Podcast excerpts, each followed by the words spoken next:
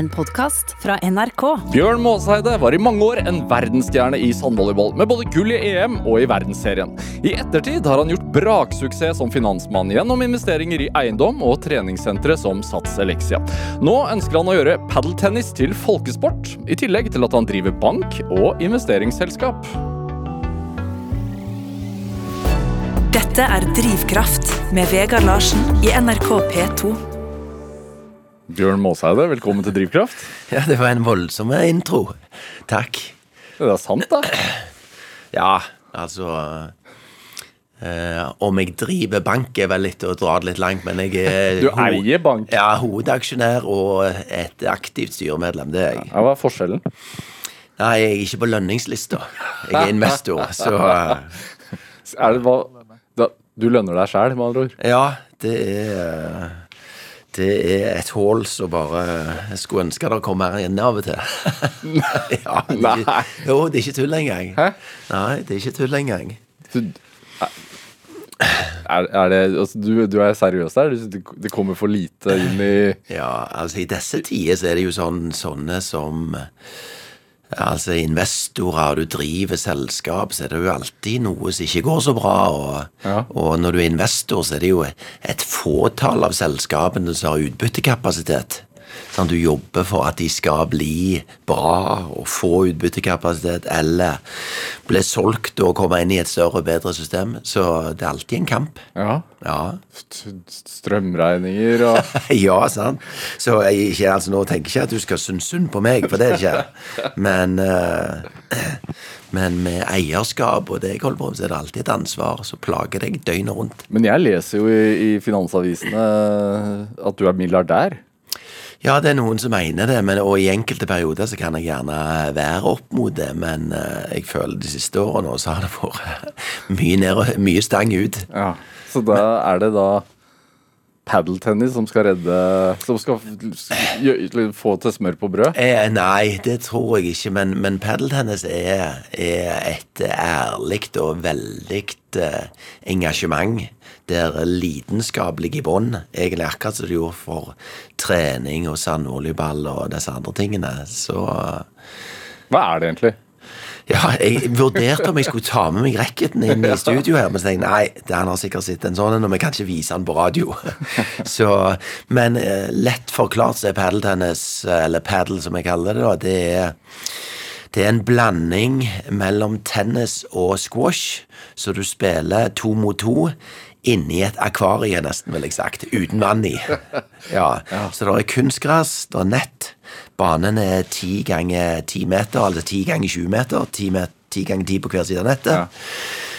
Så det er ganske lik en, en sandvolleyballbane, egentlig. Eh, men med kunstgras, og så spiller du med tilnærmet like tennisballer. Og ballen må gå i bakken i gresset før han kan gå i veggen. Ja. Men du kan spille den etter den går i veggen. Hva er det som er gærent med tennis og squash? Nei, jeg tror squash er en ganske intim, brutal greie for folk flest. Det blir liksom sånn du står og klenger på en annen inni et lite rom der, og, og veldig fysisk krevende. Eh, og så Tennis eh, krever jo bare litt for mye plass i forhold til hvor mange som spiller. Altså du er to mann på en bane der du kan være 16 personer. Med padel så er du to, sånn at det er vanskelig å få det til å gå sammen. Samtidig så tek teknisk sett så er tennis en litt for vanskelig sport. Du, det er litt sånn som sandvolleyball. Hvis du ikke har spilt når du var liten, så blir du aldri en god spiller. Og det er veldig begrensende for en sport. Og det er det som er så unikt med padel. At alle kan spille, og alle kan bli bedre og bedre, Ja. selv om du har passert 50 år. Sier mannen som ruller ut padeltennisbanen ja, ja, over hele landet. Stemmer det. Men, men jeg sier, i mitt hode Ja. så tror jeg at padel kommer til å være sentral i å løse fedmeepidemien i USA. Ja. Er det der det startet? Nei, det starta egentlig i Mexico og Argentina, så kom det til Spania og Portugal på 70-tallet. Og så har det liksom sakte, men sikkert blomstra, og så har det tatt helt av de siste tre årene. Ja. Hvorfor er det så Når hørte du om det første gang? Nei, jeg spilte Det er fem år siden jeg spilte første gang. Eh, og var ikke sånn kjempeimponert første gang jeg spilte. Over deg selv eller om sporten? Ja, eh, og det her er litt av hemmeligheten. For det som, sånn som jeg er sånn Når jeg trener så Jeg liker ikke å gå tur, for det er ikke trening. Da sykler jeg eller noe sånt. Men jeg kan jogge. Jeg kan, sånn, jeg, hvis jeg skal gjøre det, så ønsker jeg at det skal være en sånn treningseffekt. Når jeg spilte padel første gang, Ja. så var jeg skuffa over treningseffekten. For jeg synes ikke det var sånn, Og grunnen var jo vi gjorde jo altfor mye feil. Så vi måtte gå fram og hente ballen, og så ble det stoppet i spillet. Og det er akkurat derfor jeg tror at padel kommer til å være så vanvittig bra for store deler av verden som ikke har trent så mye før. For hvis du hadde fått blodsmak i munnen første gang, Ja. så hadde ikke folk kommet tilbake igjen. Mens her er det sånn, ja, du trener, og ja, det var kjekt, og du fikk det litt til, men du ble ikke veldig svett, og det var greit. Og så går du tre-fire ganger og blir bedre og bedre og bedre. Så blir du hekta, og da er det for seint. ja. Du har spilt uh, padel i dag tidlig. Ja. Så Du er, du er, for du bor jo egentlig i Stavanger, og så er du i Oslo nå fordi at du åpnet et senter i Drammen i går. Drammen i går, ja. Ja. Så vi skal spille der hele helga. Masse, masse. Eh, Så det er Nei, det, det er veldig artig, og ikke minst når du er sånn som jeg er 54 år, Ja. så blir jeg bedre og bedre fremdeles for hver uke som går. Fotball, volleyball, alt det andre. Jeg blir dårligere og dårligere for hver uke som går. Hvor viktig er det for deg? I sånn generelt nei, i livet? Nei, altså sånn generelt så tror jeg Altså, hvis du tenker sånn, Hvis du går inn i sånn lykkeforskning Ja. Uten at vi skal dra det for langt. ja, det er kjempefint. Vi, vi starter der. Ja, og det, der er det jo liksom eh, Nære relasjoner er kjempeviktig. Mm. Og så er det læring og mestring. Det er de tre på topp. Og så bør du helst tjene sånn rundt 750 000 i året. Ja, ja men altså allikevel så er nære relasjoner, Ja. læring og mestring, det er de tre på topp. ja. Og da er, så jeg sier, dette med padel, det er veldig sosialt. Altså du spiller to mot to. Så du får liksom en sånn sosial greie som er veldig bra. Og mange sånne interessante turneringsformat som gjør at folk du, hvis, vi, hvis jeg var bedre enn deg å spille padel, så kunne vi allikevel spilt på laget sammen. Og der jeg hadde tatt en større del av banen, hvis du skjønner. Så jeg hadde på en måte beskytta partneren min litt. Og det er ganske sånn interessante ting. Samtidig så du blir 50% bedre fra første til andre gang du spiller. Så du har liksom en mestring og en læring. Så du får liksom alt dette her inn i, i det samme. Så jeg, jeg syns det er veldig Hvem er din makker? jeg spiller med mange, men uh, nå så spiller jeg mye med Jan Kvalheim og Tor Hushovd. Uh, så meg og Tor spiller faktisk bedre i sammen enn det er meg og Jan. Eh, For Jan er litt sånn spesiell å spille med. Han er bare sånn ja, 'Bjørn, jeg spiller på min måte, og du spiller på din måte.' Han liksom han. og, og det er et lagspill, og da blir det som regel ikke Det er ikke som i volleyballen hvor han står foran og blokker. Nei, og det, det er motsatt. Her må, Hvis én er framme, så må begge være framme. Og hvis én er bak, så må begge være bak. Uansett hvem som får ballen. Og Kvalheim, han er litt sånn litt lat.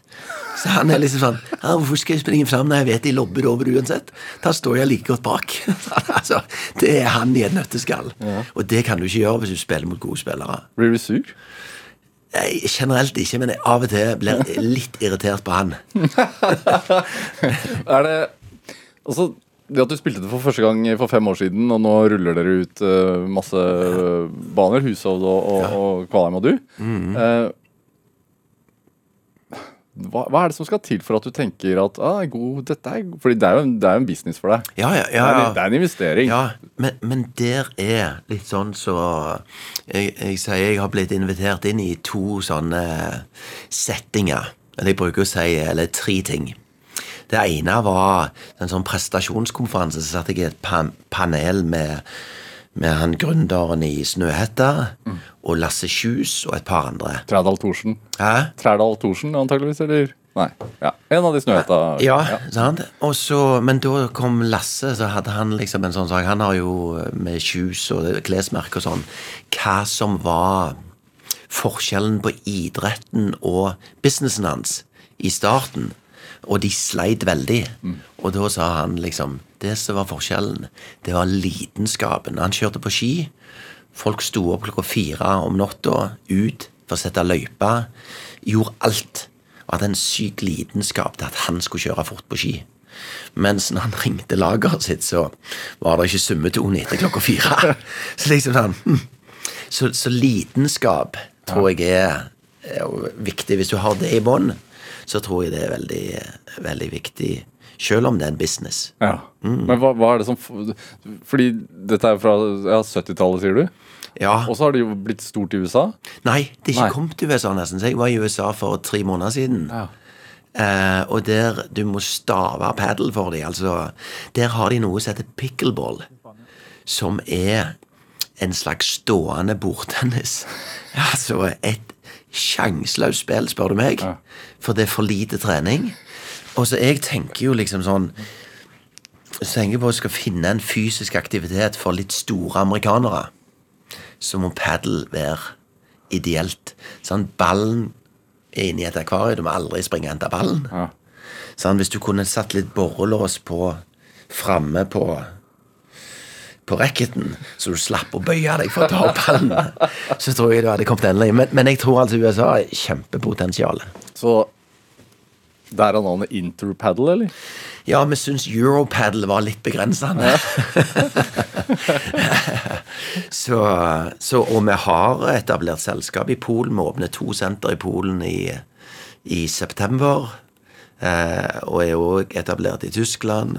Så, så vi har eh, mange bein etter hvert. Når du starter noe sånn, altså er med å starte noe sånn fra scratch, hvor, Mm. hvor hands on er du i forhold til liksom locations, på Ja, hvor stedene skal være, ansettelsene og sånn? Hvor Ja, veldig, veldig på. Ja. Ja, for det, det passet sånn, og så var vi Vi var liksom veldig lite folk. Vi er seks aksjonærer i sentralt. Og så har vi med oss mange på de lokale sentrene som er med som lokale gründere. Eh, der de Hvorfor er det viktig? Nei, altså lokalt engasjement eh, fra treningsbransjen er viktig, og da er det sånn at alle trenger ikke være med eie, men, men de må ha liksom det, Altså, du må aldri undervurdere det lokale engasjementet. Nei. Så Er det noe du kjenner igjen fra, fra mm, Klubb David i Sandnes og sånn, eller? Ja, det er artig. Det er Altså, det er jo litt sånn rart at jeg er vel fjerde-fem største satsaksjonær i dag. For grunnen til at jeg kom inn i treningsbransjen, det var at Klubb David-gjengen var livredde når Sats bygde et svært treningssenter rett på sida av Og hva var Klubb David? Klubb David var et lite treningssenter. Hva var lite? Eh, nei, altså det var sånn et eh, Gjerne sånn 600-700 kvadrat med 500-600 medlemmer. Eh, der aksjonærene vaskte og sto i resepsjonen på kveldstid i tillegg til vanlige jobber. Så de var liksom sånn Bjørn, kan ikke du være med oss nå? For nå kommer eh, svenskene til til byen, liksom. Ja, sant? Og da var det ja, ja, ok, så ble jeg med der, og så Og, og i Stavanger, eh, regionen Bryne, Sandnes, Stavanger, så hadde Sats på den tiden så hadde de eh, Jeg tror de kom inn i Stavanger og hadde fire senter, 12 000 medlemmer, Ja. og vi hadde gjerne 1200 på den tida. Og etter fire år så hadde Sats 5000 medlemmer, og vi hadde 22 000 medlemmer. Så vi, vi Altså, det var liksom Den krigen der, den gikk det gjeterord om i Sats-systemet på den tida. Kort oppsummert, hva var hemmeligheten? Kort oppsummert så tror jeg det lokale engasjementet å kjenne liksom på Altså gjengen i sportsklubb som vi skifta navn til og ble da. Gjengen følte seg trua. Som du etter hvert også eide. Ja, etter, og, og der kommer liksom Som jeg tenkte på tidligere Altså når jeg hadde kjøpt opp sportsklubb, så gikk det bare en måned etter vi hadde kjøpt opp, før jeg var, husker jeg var på treningsleir i USA, fikk telefon, måtte reise hjem fra USA, for det var ikke penger til å betale ut lønn til de ansatte. Kom hjem, gikk i banken, lånte penger, 1,3 millioner, og betalte ut lønn til de ansatte. Og derfor blir jeg det var litt sånn artig du sa det, for derfor blir jeg sånn provosert når jeg hører ja, nå skal vi ta de rike. Det er akkurat som vi setter strek over historien. Og så er det liksom bare Nei, vet du hva. Du ønsker aktive eiere. Du ønsker eiere med midler. For det er ikke alle som får lån i banken til å betale lønn når det kreves. Og så jeg eh, Når det er liksom det vanlige folks tur, og nå skal vi ta de rike Det er det verste jeg hører om, altså. Men nok om det. Du er jo ikke rik, eh, Måseide. Du sa jo innledningsvis her at du sliter. Ja, ja, sant. Det er alltid en kamp. Dette er Drivkraft med Vegard Larsen i NRK P2. Og i dag er eh, tidligere sandvolleyballspiller, nå finansmann Bjørn Måseide her hos meg i Drivkraft på NRK P2. Altså, sandvolleyball Du skulle jo bli fotballproff. Hvorfor? Ja. Altså, og så begynte du med vanlig volleyball. Ja. Hvor nedtur var det egentlig? ja. Det var når jeg holdt på å vokse, det var 15 cm i året. Ja. Og liksom en periodevis ble byttet ut i pausen fra å ha vært liksom den i egne øyne den desidert beste på laget, til å Så var det en tøff sak, altså. For du blir litt sånn keitete en periode der. Hva, var klubb, hva var klubben i ditt hjerte? Altså, hvor, Det var, jeg spilte på Hana. Ja. Ja. Og, og hva var målet? Nei, det var jo liksom Viking. Eh, sant? På den tida så var det liksom Sven Kvia og eh, Det var liksom eh, Det var Viking som var greia, og vi spilte liksom på Hana. Eh, og så ble det jo liksom Maradona, og han var jo liksom 1,68, og jeg ble jo en 96, sant? og det var lenge før lenge før Flo-pasningen. og- Så um, Nei, men, men som sagt, uh, igjen Hvor, hvor gammel var du da da du tok det skiftet? Eh, Da var jeg sånn Altså, jeg slutta vel på Hana. Altså, jeg har vel 18 A-kamper for Hana i fjerdedivisjon eh, som midtstopper. Eh, og så kom jeg liksom på juniorlandslaget da i sånn 15-16-17-årsalderen. Så du var god, da. Ja, men i volleyball. Ja, ikke i fotball. Nei. Sånn at da tenkte jeg ok, Bjørn, du har lyst til å drive toppidrett. Ja. Hvor kan du bli best? best? Ja.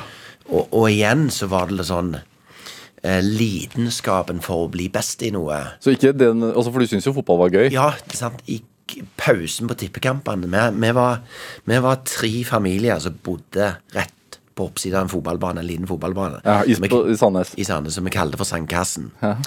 Og han på høyre side, så var Morten Myhre. Han ble seriemester med Viking i 91. Han var ett år yngre enn meg. Og så var det Atle Eide. Far hans var, kjørte VM i Speedway i England, så han var proff der. Og han var ett år eldre enn meg. Så vi tre spilte fotball på den banen hver eneste dag. To, tre, fire ganger dagen. Til vi begynte på ungdomsskolen, nesten. Sånn. Hvor, hvor tidlig Altså den egenskapen altså at man liker å konkurrere, at man vil vinne, at man vil bli best, da, som du sier. Er det, er det medfødt hos deg, tror du, eller er det opplært?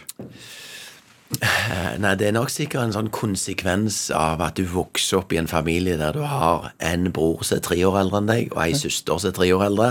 Så du er alltid dårligst i oppveksten. For de. Når du er ett år, så er han tre år. Når du er tre år, så er han seks år. Det er alltid fordel. Ja. Så går du der og stanger og blir sikkert litt sånn småbitter. Ja. eh, ja, så Hvordan ellers var, hjemme, var det hjemme hos dere da? Nei, jeg hadde en veldig god oppvekst og var en sånn type sånn idrettslagsunge. Hva, hva vil det si? Nei, det vil si at jeg gikk på skolen for jeg måtte, og var på liksom alle skolelag og fotball- og volleyballag, og var i Sjøspeideren og var ikke den store korps. De prøvde å hive meg inn i korpset, men der Jeg tror de var fremme én gang, og så slapp jeg det. Men eh, Nei, så det var liksom eh, Med liksom fotballtrening, volleyballtrening, alpint. Så vi var liksom veldig aktive i Hvorfor var, altså, var foreldrene dine idrettsopptatt også? Ne- Nei, ikke. Så jeg hadde en mor som var litt sånn vikarlærer på skolen, og så hadde jeg en far som eh, Jeg husker at han, eh, han jobba jo i Øglen, Jonas Øglen, som var liksom det store konsernet i Sandnes. Som drev med? Og så de drev med produksjon av syk- DBS-sykler. Tepper kopper, klær, altså det som i dag er Warner-systemet, altså eh, Hva heter kjeden? Det heter jo Dressmann? Dressmann og eh, Cubus. Ja. Det var jo i Sandnes. Vanvittig konsern. Og de hadde hytta i Sirdalen. De hadde fredagsrem, vi fikk gå og svømme. Eh, juletrefester. Så jeg husker når vi er i 74, når far min slutta der, så grein vi når han kom hjem og fortalte om det. For da fikk vi ikke gå på juletrefest, vi fikk ikke reise til Sirdalen. Så det konsernet gjorde nok veldig mye riktig på den tida der. Ja. Så For det er ikke alle som slutter i Eller de som slutter i mitt system. Jeg hører ikke at ungene deres griner. Jeg håper det, men jeg har ikke hørt det. Så hvorfor, hvorfor ikke? Eh, nei, altså, jeg, jeg tror eh, Altså, på den tida så var det liksom Er det ikke noe hyggelig t- Trim Towers? Jo, jo, jeg tror det, det er i hvert fall fullt utleid. Og det Så jeg tror folk trives. Jeg bruker å si når folk slutter hos meg, så bruker jeg å si de har bare permisjon, for de kommer til å komme tilbake igjen. Og det har jeg hatt rett i veldig mange. Så Men, men søsteren din også, har jo en uh, habil uh, volleyballkarriere å se tilbake på. Altså, Stemmer det. Er det uh, Broren din vet jeg ikke. Hva, Nei, han har eh, drevet Han tok utdannelse som flyver, og så hoppet han av det. Så har han jobba i mange ulike selskap, og nå sist i så bygde han opp eh, Klinikk for alle, Oi. og solgte det til noen svensker, og slutta vel for et år siden nå, cirka. hvor kommer eh, den derre business-tankegangen fra? Nei, altså, jeg tror det uh, Det er nok uh, sikkert litt gener, og så er det litt interesse, og litt tilfeldigheter. Altså, det sier meg og Jan når vi snakker om eh, karriere og sånn, at altså aldri undervurder viktigheten av tilfeldigheter og flaks. Så det er veldig lett å skrive historien etterpå, men, men altså, du skal ha en del flaks, god timing og tilfeldigheter for å, å virkelig lykkes, altså. Ja. Så Det kan ikke bare være det. Nei, du må være på perrongen når toget går. Ja. Ja, du kan ikke sitte hjemme i sofaen og jeg har aldri flaks. Ja, for det er jo sånn Du øh, sluttet jo med fotball begynte med volleyball. Eh, og ble jo ganske god. Og veit du dro til USA. Ja, Eh, og fikk du en scholarship der, ja var det? de, delt scholarship. Ja. Så um, Men der var det vanlig volleyball? ja, der var det vanlig Så jeg gikk til et lag som heter UCLA. Ja. Og der vi hadde en trener som heter Al Skates, som er den treneren i USA som har uh, vunnet mest nasjonale mesterskap. Han har vunnet Han trente laget i 50 år. Så når jeg kom da, så hadde han trent i 27. Så var jeg tilbake igjen, når vi pensjonerte han etter 50 år. Og da hadde han vunnet 22 nasjonale mesterskap, og det var 62 lag i førstedivisjon. Så det er ikke lett å vinne. Nei. Hva lærte du han, da? Nei, eh, altså Det var jo liksom en sånn Jeg var jo en naiv eh, 19-åring som hadde vært ett år i Frankrike, og så sa de liksom Bjørn, vet du hva, du er altfor unge til å spille her. Reis og få deg en utdannelse i USA, og kom tilbake igjen seinere. Og så ble jeg liksom henta fra UCLA. Ja, For du var ikke god nok i Frankrike? Nei, for da var det sånn du kunne være maks to utlendinger per lag. Og så um, Det var som regel de to beste på laget. Og så var jeg i så hadde jeg vært i Stavanger og Randaberg. Så fikk jeg et tilbud fra den finske treneren vår fra Rovaniemi i Nord-Finland, og et tilbud fra Nice i Frankrike som akkurat hadde rykka ned i andredivisjonen.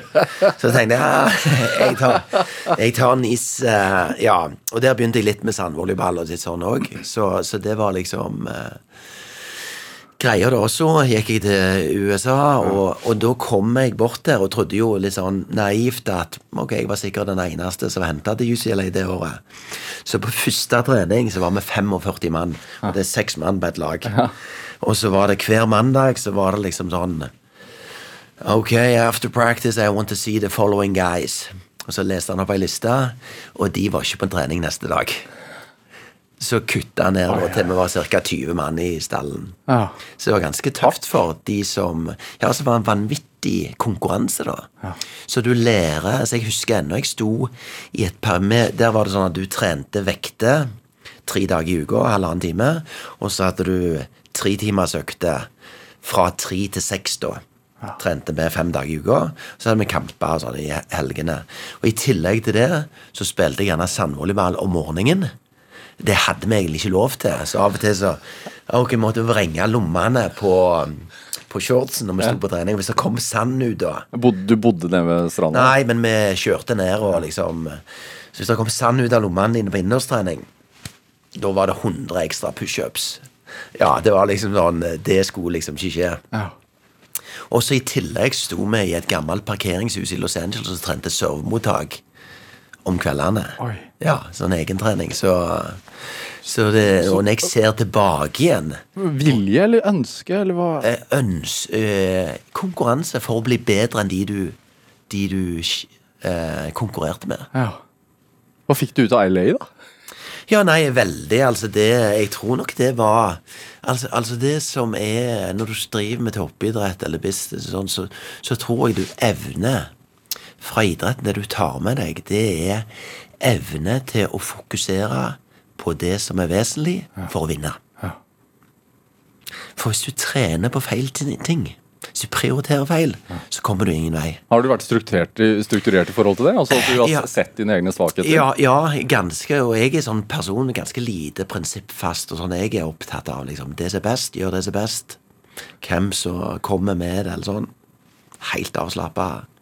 Uh, og sikkert litt sånn trygghet fra karrieren. Vet at jeg er god nok. Slipper å gå med høye skuldre. liksom. Gjør så godt jeg kan, så får det være godt nok. Men det å reise til, altså reise først til Frankrike og så til USA for å, å holde på med volleyball det, har vært en, det var ikke mange som gjorde det. Nei, eh, så det var liksom sånn. Men for meg Og det, og det tror jeg er litt sånn eh, Så jeg snakket med eh, assistenten din her om dagen på liksom sånn Dette her med å sånn med, I politikken så kan det være fokus på noe det er vanlige folk og de rike og ditt og datt. Men liksom sånn, så jeg sier det å heller sette fokus på å gi unge trygge rammer, så de tør å utfordre seg sjøl. Og, og jeg tenker jeg var sånn Ja, hva er det verste som kan skje? Og det er jo at jeg må flytte hjem på gutterommet, sa på spissen. Ja. Big deal. Det er jo ikke noen som skyter på oss, det er ikke sant? Og den tryggheten har du fått hjemme. Ja, ja. Så, så det gjør jo liksom at du, du er da ikke redd for å gå på trynet litt, da. Har det vært også en tankegang hva gjelder investeringer? Ja, i starten så, så er det klart at du tar mye større risiko. Ja. Eh, og jeg kjenner jo nå at jeg blir det jo litt sånn feigere og feigere, egentlig. Hva er din største risiko? Nei, nå Sett tilbake. Ja, sett tilbake, så er det når jeg kjøpte sportsklubb. Ja. Da eh, gikk jeg i banken, lånte 40 millioner, pantsatte huset og kjørte på, liksom. Hva sier du til kona da? Nei, og det er jo litt det som jeg, jeg sier, liksom sånn Ja, sant? Det var ikke sånn at hun ikke visste det, men, men det er klart at uh, du må jo uh, uh, utlyse trygghet på hjemmebane. Du Ja. kan ikke si liksom at «Nå, nå er jeg kjempe, sant? Du må, Det må du Hvor mange av ungene hadde kommet da? eh, I 2003-2004, da var alle fire kommet. Ja. Ja, så, så det var Nei, så jeg skulle ikke, jeg skulle ikke stå for det. Det hadde blitt trangt på gutterommet. Men hvordan, hvordan gjør du en sånn vurdering? At du tenker at ja, ok, dette er en god idé. Jeg pantsetter huset. Nei, ja, nei, men altså, selskapet sportsklubb hadde virkelig begynt å sette fart, altså. Så det var ikke sånn at jeg, eh, jeg, jeg så liksom i tøff konkurranse med store aktører, så hadde vi funnet et konsept som fungerte, var relevant for kundene. Kundene elsker oss. Ja. Hvordan skilte det seg ut? Nei, altså, som jeg sa innledningsvis, vi hadde liksom et sånn eh, ekstremt lokalt engasjement. Vi sponsa jo eh, masse av de lokale foreninger, lag og eh, Det var liksom den ene siden, og på den andre siden så hadde vi veldig gode leiekontrakter som vi hadde forhandla fram.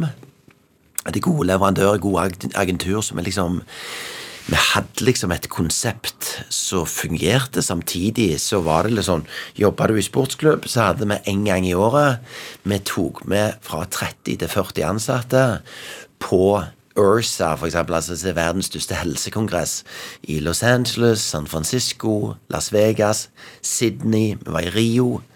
Som var litt sånn rause hvis du gjorde en ekstra innsats. Så du kan si når du har 30-40 mann som er ekstremt engasjerte, de drar jo med seg 30-40 mann til, og så liksom er det sånn stort hjul som går, da. Og så blir det sånn i, i lokalmiljøet at hvis du skal velge mellom eh, den, Ja, ja. den uh, svenske kjeden Ja. eller den lokale Ja, så du trenger ikke lure på hvor, hvor Men altså, du må jo ha et produkt som er, er bra. Ja, Det viste seg å være en klok eh, avgjørelse, da. Um, Bjørn uh, Mosseide skal spille litt musikk. Ja. Du har med en låt som heter 'Shallow' av Lady Gaga og Bradley Cooper. Hvorfor det? Eh, nei, altså det var liksom bare blitt en sånn bra låt, og så så jeg filmen. Ja. Eh, og så liksom var det sånn Altså Så den 'Shallow' det er jo en Er du en romantiker? Nei, ikke veldig. Uh, så jeg er liksom et følelsesmenneske, det er jeg. Ja, Hva vil det si? Ja, Nei, det at jeg er liksom eh, Skjermer veldig om mine og systemene. Ja. Ja, så Det er ikke sånn når du hører den her, så identifiserer du deg med, med mannestemmen? eh, Nei, nei, altså. Jeg syns det var artig, eh, artig film. Artig! Den er kjempetrist. Ja, ja, men jo, men jeg syns at eh, det var liksom sånn eh, Jeg, jeg syns det var, var, var bra, bra lagt og bra historie. Ja. Feller en tåre. Ja.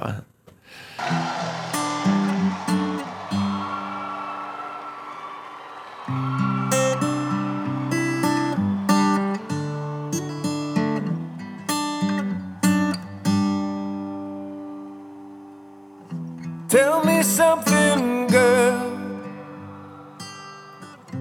Are you happy in this modern world?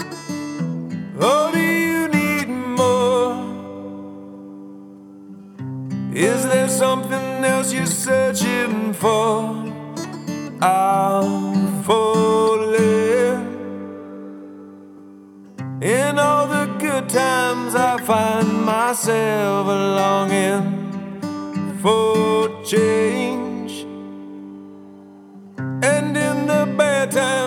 Fear myself.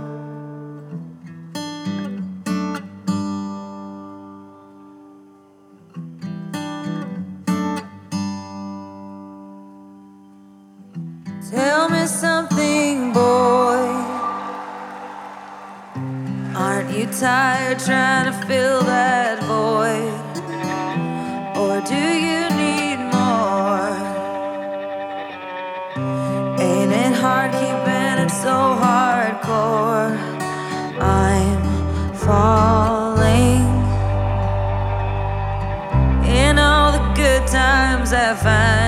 myself longing for change. And in the bad times, I fear myself.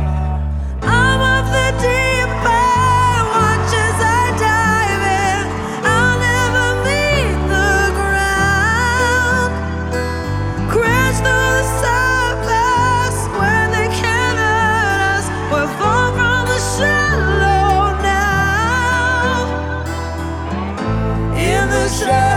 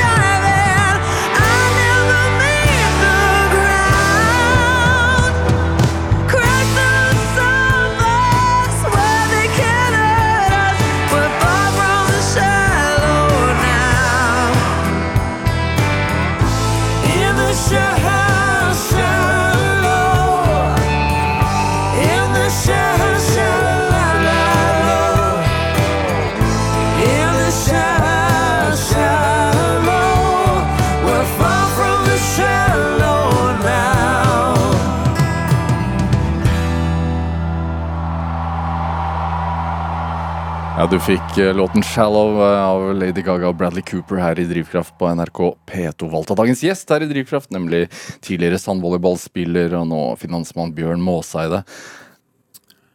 Altså, du sier jo at uh, hvis man skal lykkes i, i næringslivet, så, så handler det ofte mye om flaks, i tillegg til selvfølgelig hardt arbeid og sånn, men, men det er vel også en sånn evne eller ønske til å ta en risiko, da? Ja, og, og det må du være liksom eh, tydelige på. Det er ikke for alle. Og, og liksom eh, Å ha respekt for, for den biten av eh, av det med å være en investor, det å satse egne penger og, og det er risk reward, altså. Eh, og da er det litt sånn Ja, eh, tar du den sjansen og lykkes, Ja. Så må det være noe goodies på baksiden der. Hvis ikke, så er det ikke vits å gjøre det. Jeg bare tenker sånn, du, du Så å si samtidig som du fikk ditt første barn, så byttet du fra vanlig volleyball til sandvolleyball, f.eks. Ja, Det er jo en risiko. ja men Sandvolleyball i Norge på den tiden. Ja, Hvem ja. drev med det? Ja, det var Speideren og 4H. Så, og, det, og det er jo litt sånn uh, så, så, så jeg sier, når du tar valg om du velger å bli lærer, så vet du at du får lange ferier. Eh, du får lære unger, altså masse lykke i det. Ja. Men du vet òg at du sannsynligvis ikke blir veldig rik i penger. Ja. Og det er et valg. Og når jeg tok volleyball, så var det sånn Sandvolleyball så var det en veldig lidenskap i selve spillet. Uh, selvfølgelig. Jeg kunne Jeg kunne synes at det var veldig urettferdig at Braut Haaland og de tjener mye, mye mer. Men det er litt sånn Ja, Bjørn, du kan satse på fotball, du òg. Så nåløyet er ekstremt trangt. Ja. Så det er ikke sikkert du hadde tjent mer likevel. Nei. Så, men jeg tar det valget og satser sandvolleyball, da, så er jeg en voksen mann. Og da må jeg være ansvarlig for det, så vil jeg gjøre det beste ut av det. Men Ja. det er ikke sånn at jeg ikke vet hva som ligger der. Men hvor begynte du da å tenke allerede altså, Da du skiftet til sandvolleyball, tenke strategisk i forhold til Ok, nå må den sporten etableres i Norge? Ja, en ting er Jeg så noe mer på det internasjonale bildet. Ja. Og så var det som var unikt, det var at det var en spiller som heter Jan Kvalheim, som ble da min partner i ti år. Som var god? Han var en av verdens fem beste høyresideangripere innendørs. Ja. Så det er helt sykt. Uh, og det sa han italienske landslagstreneren som vant både OL og VM i Italia. Og der var fra i Norge, så arrangerte han Jan Kvalheim som en av eh, topp fem. Så jeg, når jeg var 15 år, så spilte Jan i Sandnes en gang. Og da sa han kretslagstreneren nå lørdag alle møter på tribunen for å se Norges beste volleyballspiller spille. Og da var han 20 år, fem år eldre enn meg. Eh, Og allerede der så tenkte jeg han må jeg få tak i en gang. og da gikk det sånn fem-seks år før vi var i gang, liksom. Ja. Så det var jo store deler av vurderingen, da. At i sammen med Jan så så jeg at sannsynligvis så kunne jeg slå de beste i verden. ja. Så S- s- Måtte du overbevise han om at du, du var rett mann? da? ja, litt sånn. Altså, det som var Altså, jeg kunne jeg, Han kunne sikkert velge. Nei, det var ikke så mange i Norge som var sant. For det som var Jeg var venstresidespiller, han var høyresidespiller. Ja. Han var blokkspiller, jeg var forsvarsspiller. Så jeg var Han hater nok å si at uh, Hvis jeg sier at jeg var hjernen i laget. Men på en måte så var jeg det. Ja. Og så kunne vi bruke Kvalheim på å stoppe sånn, Når vi spilte mot gode lag, gode angripere, kunne vi sette Jan rett opp i trynet på dem satt på tur og serva han beste angriperen. Og allikevel så tok Jan han ned, liksom. Bare bom, bom, bom. Så på en sånn velle Og det var jo fantastisk for meg som forsvarsspiller å stå bak hans blokk der i mange år. og Men hvordan var forbundet sånn lagt opp for at dere kunne satse? Nei, det var jo egentlig ingenting. Så, så vi så jo det, og det er jo det som er litt sånn interessant med sandvolleyball og nå Padeltennis, ja. Det at vi var jo på en måte gründerentreprenører i sandvolleyballen. Eh, når vi vant internasjonale turneringer, så var det som en, en fra Senegal hadde vunnet Holmenkollen. Så det internasjonale forbundet de sendte oss jo verden rundt. Eh, for liksom Show? Ja, liksom sånn Her er disse ty to typene fra for Scooby-Doop i Norge, liksom, så er noen av verdens beste sandvolleyballspillere. Da Ja, så vi var jo overalt, og Ja, så det var liksom veldig kjekke tid. Og så på den tida var det noe som heter sponsorservice. Så de kjøpte rettighetene til sandvolleyball i Norge. Og så fant de ut at de hadde to spillere som reiste rundt i verden. Men det skjedde ingenting i Norge. Og da, i sammen med sponsorservice, så etablerte vi sandvolleyballen i verdensserien i Stavanger. Som arrangerte vel i 13 år. Og så gikk sponsorservice da konk i 2003, og da starta vi vårt eget selskap der for å redde dette. her, Og tapte mye penger på det, men, eh, men det, var, det var viktig for sporten at vi hadde sandvolleyballen i Stavanger. Og hadde vi ikke hatt den, så hadde vi nok ikke hatt Mol Sørum i dag, som er verdens beste sandvolleyballag. Sånn i, i forhold til liksom der du er nå i, i, i livet ditt, hvor, hvor vesentlig var den perioden? Jeg tror han var Han passte jo det å være en, liksom en sånn skal vi si, halvveis positiv profil. Det er litt rart du sier det, for jeg var med jeg vet ikke om du liker Skipsted-systemet, men, men redaktørene var samla i Stavanger i, i tidligere i uka, og da var jeg liksom gjest i studio. Og da sier han ene Det var en sånn Skavlan-setting, og da sier han ene sånn Ja, Bjørn, første gang vi skrev om deg, det var i 1983. Da ble du nummer tre i et kretsrenn i alpint i Sauda. Og så sier jeg ja, det er litt artig du sier det på denne dag, men så sier jeg, vet du hvem som vant brennet? Nei, så ble jeg litt sånn stille, da. Nei, det var Og den, dette var en tirsdag. Og det var 50-årsjubileum for Equinor. Og det var Anders Opedal. Han var i min klasse, og han er sjef i Equinor. Så jeg sier jeg tror han vant. Han hadde en, en, en, nesten irriterende ivrig far så fulgte han veldig godt opp. Ja. Så Anders var jo en god alpinist. Foreldre og idrett, hvor viktig er det? Barna dine Ja. du har jo, De har blitt volleyballsmitta, holdt jeg på å si. Ja, eh, nei, altså hvis du ser på volleyball, eller idrett, toppidrett, så alle de som driver toppidrett i dag, som er størst og best i, i nesten alle eh, Nesten Se på fotballandslaget i dag, Ja, f.eks. hvis du tar Braut, du tar Ingebretsen, du tar Hovland, du tar Kasper Ruud, du tar eh, Christian Sørum Mol. Mol. Eh, jeg har sikkert glemt eh, en del alpinister. Foreldre har jo vært ekstremt viktig. Eh, så det er på en måte litt synd. Ja. Eh, men på en annen side så er det så tøft oppe i toppen. Men, men det eh, liksom Hvis vi skulle kommet inn på litt politikk, så er det sånn Politikere liksom La de rike rike og vanlige vanlige, men bruk tid og krefter på unge oppvekstvilkår. Det er det beste investeringen det norske samfunnet kan gjøre. Det koster jo mye, da. Å spille Ja. fotball, eksempel, koster jo 16 000 kroner i året. Ja, ja, du- men, men, ja, men der, altså Norsk Tipping går med 6-7 milliarder i året i overskudd. Altså, gi mer til idretten, og gi det lenger ned i systemet. Ut i de lokale bydelsklubbene. Speideren, 4H, musikkorps. Altså, det er der menneskene blir skapte. La alle få like, eller tilnærmet like, oppvekstvilkår. Så når de kommer til videregående og er ferdig der, så kan de ta fornuftige valg. Eh, det tror jeg er kjempeviktig. Har du sett eksempler på det opp igjennom? Altså da, fra din egen eh, ungdom? Ja, Av gode talenter som Ja, jeg er et eksempel på det. Altså, Far min så den første volleyballkampen da jeg var 18 år. Ellers i slalåm kunne han kun bruke som eh, portvakt.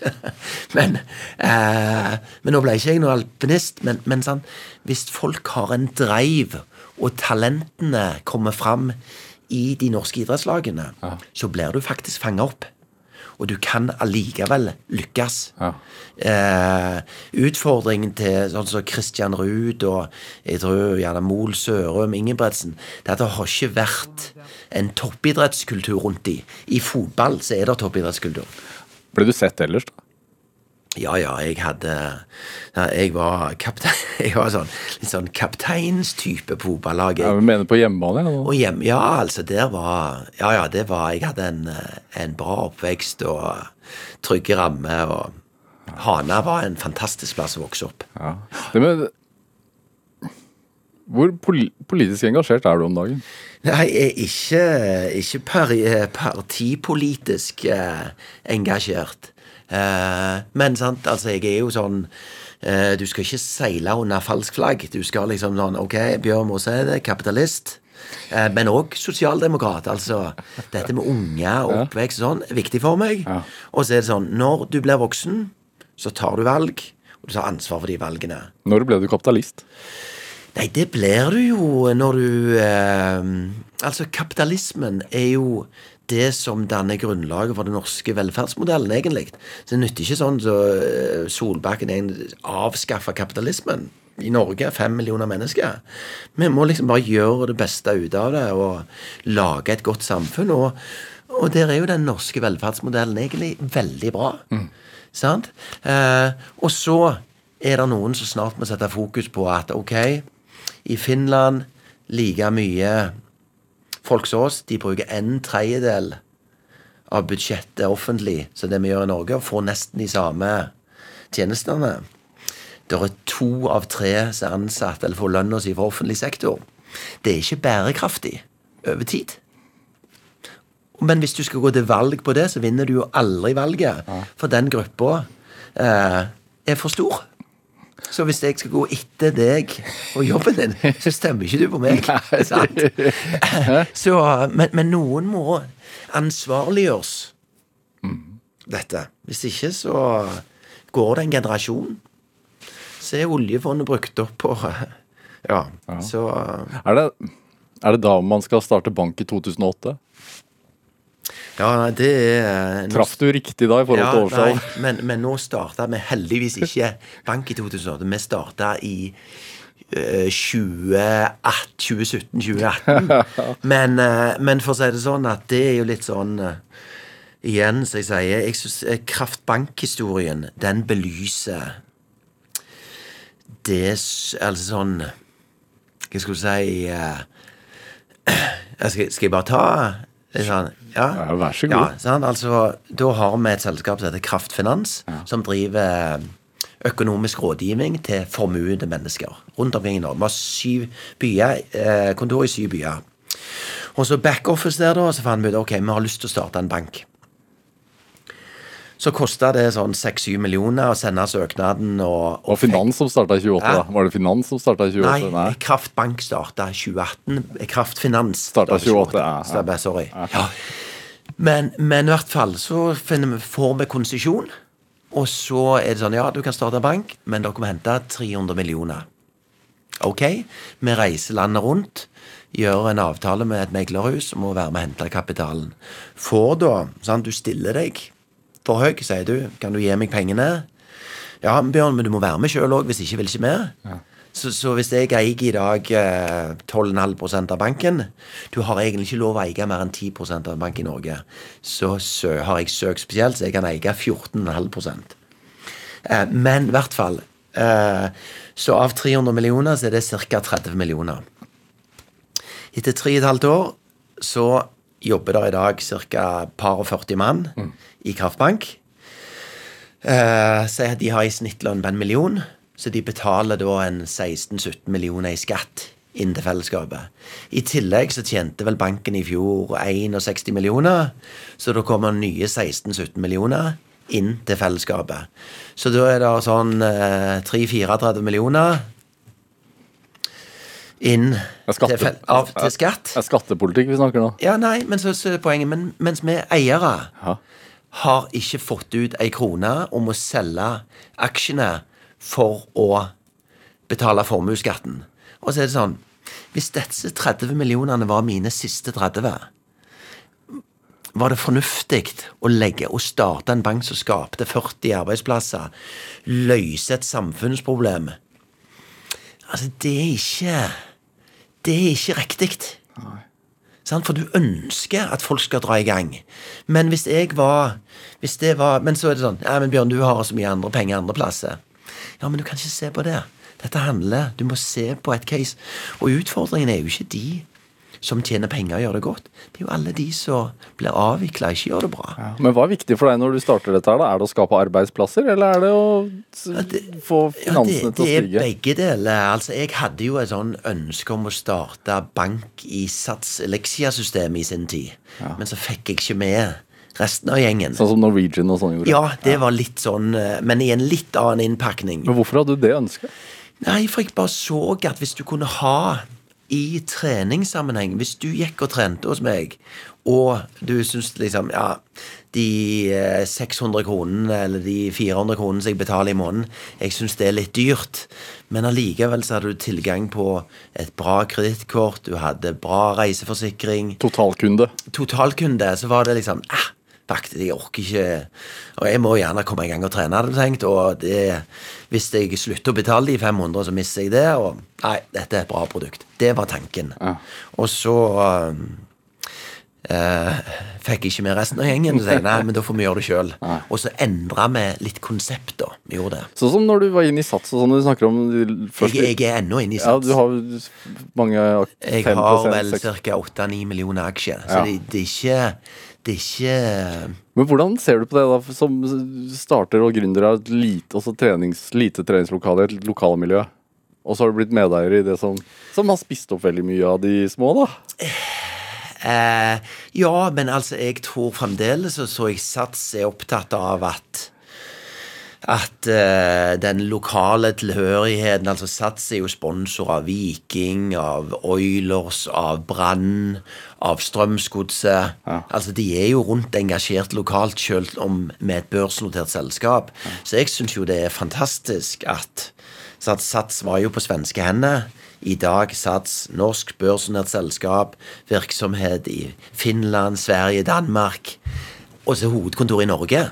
Det er jo fantastisk. Det som var Klubb David i sin tid. Ja, du har lært litt. Jeg har lært veldig mye. Ja. Men sånn som med banken. Ja, ganske høy rente. ja. Så, og, og det er jo litt sånn det som er eh, kan du si, det kjipe med kapitalismen. Sånn, her har du liksom Du satser mot ei skjør målgruppe. Og det er jo det som er, sant. Og så henter du penger, da. Sant? Du henter penger fra investorer sier du, du skal jeg ta pengene deres, skal jeg låne, eh, låne ut til kunder som kommer til oss, som har mellom 20 og 120 kreditorer før vi refinansierer de. Da skal vi ta dine penger skal vi låne de til de. Fortjener han investoren en litt høyere avkastning, da? For hvis ikke kan han jo bare låne sette inn pengene sine i DNB. Så han, så han må ha en høyere avkastning for at vi skal låne ut den risikokapitalen. Så, så det er jo liksom. Så vi har liksom mellom 5 til 7,5 prosent. Men det er håndterbart. Mye av kundene som kommer inn til oss, de har mellom 16 og 30, rekorden er 60% rente. Så du vet, der er ingen, jeg påstår det er ingen bank i Norge som får mer blomster på døra enn Kraftbank. Vi har bare fornøyde kunder. Er det Er det en sånn filosofi altså, Men er det et genuint ønske om, om å hjelpe folk? Eller ser du bare en, en Ja, mulighet? Ja, altså det, det, det må være bærekraftig. Ja. Og det er Kraftbank. Vi tjener greit med penger, samtidig som vi kan hjelpe enda mer. Ja. For du har jo kapitalkrav i Norge som er mye høyere. Altså Vi har pilar 2-krav på 8% som gjør at liksom svenske konkurrenter de har mye lavere kapitalkrav, så de kan låne ut penger. De er mye mer konkurransedyktige på det norske markedet enn det vi norske banker er. Hva, hva tenker du om uh, hvor enkelt det er å få kortsiktig lån med veldig høy rente da, i landet? Ja, Det har vært altfor enkelt. Og mye av disse forbrukslånsbankene, det er jo de vi i Kraftbank rydder opp etter i dag. Så kan du si at dette med forbrukslån og midlertidig likviditet er jo egentlig en, en bra greie. Men å låne ut penger til folk som ikke burde hatt lån Så derfor er jo 99% av lånene hos oss de er jo sikra opp i fast bolig. Og så går det mellom to måneder til tre år før en kunde er friskmeldt og skifter tilbake til en vanlig bank. Syns du det er gøy å være leder? Ja, men krevende, og jeg har jo vært liksom hadde eh, hatt 4000 ansatte eh, i Sats under meg og sånn. Så, så liksom eh, Det er jo eh, eh, og, det var jo liksom en sånn Sånn, vi tapte jo 500 millioner istedenfor å tjene 500 millioner. Så det var jo veldig krevende. Eh, Jeg sier 26 måneder var jo sånn all in. Ja. Der det var liksom eh, Så krevende, men, eh, men jeg, jeg eh, har jo egentlig liksom hatt lederansvar siden jeg var liten, egentlig. Både fra liksom kaptein, trener eh, Spiller. Ja. så ja. Men hva som trigger deg, da? Fordi du kunne jo i, i teorien sikkert pensjonert deg og spilt padel på hytta på Sørlandet eh, hele året. vi, vi fikk nei på søknaden. Å ja, du fikk ikke bygge? Vi fikk Lillesand fikk ja fra Lillesand kommune, men nei fra statsforvalteren. Og da, da må vi forholde oss til det. Ja. Ja, Nei, altså, jeg, jeg, jeg syns jo jeg er veldig sånn at jeg syns det er veldig givende å skape resultat i sammen med andre. Og eh, se folk blomstre og vokse og Trenger du utfordringer? Ja, altså, jeg tok en sånn test, eller jeg ble testa gjennom Olympiatoppen i 1997. Jeg husker jeg var i, Canada. Fulgte ut 250 spørsmål. Og der de skrev to sånn eh, A4-sider om meg. Og da var det sånn Bjørn, en type som liker utfordringer.